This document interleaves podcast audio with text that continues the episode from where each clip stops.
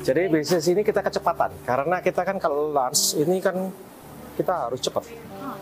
Kita bisa make money kalau makanan kita keluar cepat. Tak main-main, pesanan makanan harus selesai dibuat dalam waktu 1 hingga 2 menit.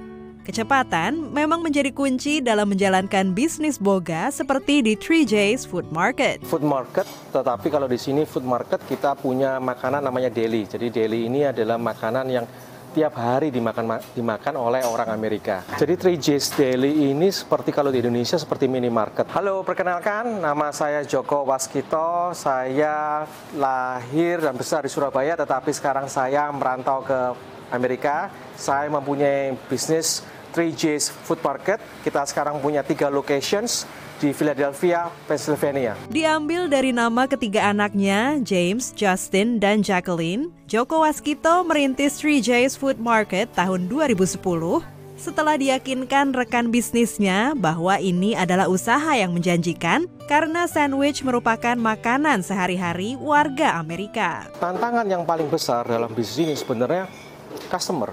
Karena kita ini bisnis makanan. Jadi kita harus berusaha membuat customer itu happy. Kalau mereka bilang makanannya ini tidak enak, saya kasih tahu sama teman-teman saya semua yang kerja di sini, no question us. Kita tidak menanyakan sama mereka kenapa nggak enak.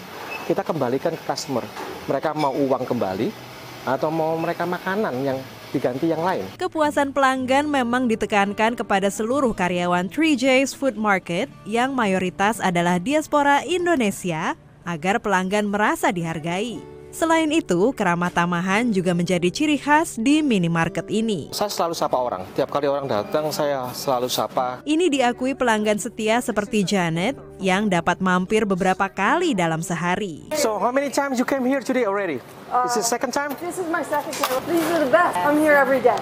Because they're like my family. Sementara bagi Sasha Weinman, dari sekitar 50 jenis sandwich dan burger yang dijual antara 8 hingga 15 dolar, menu vegetarian dan vegan lah yang membuatnya tak bosan datang ke sini. They just have such a great selection and Um, they're really friendly. I'm vegetarian and it has a lot of vegetarian options, um, which is why I come here the most because it's delicious, it's super convenient. Dengan target 350 hingga 450 pelanggan di toko ini setiap hari, serta bisnis yang terus berkembang di dua toko lainnya, Amerika menurut Joko adalah land of opportunity untuk menggapai kesuksesan. Kita ya pokoknya kita berusaha yang terbaik, harus punya suatu konsep yang jelas. Pangsa pasar mana yang kita bidik, dan kita juga harus mempunyai beberapa orang yang ahli atau at least kita sendiri yang punya experience di bisnis itu. Tentunya sepanjang ada kemauan dan dibarengi dengan kerja keras. Dari Philadelphia, Pennsylvania, tim VOA.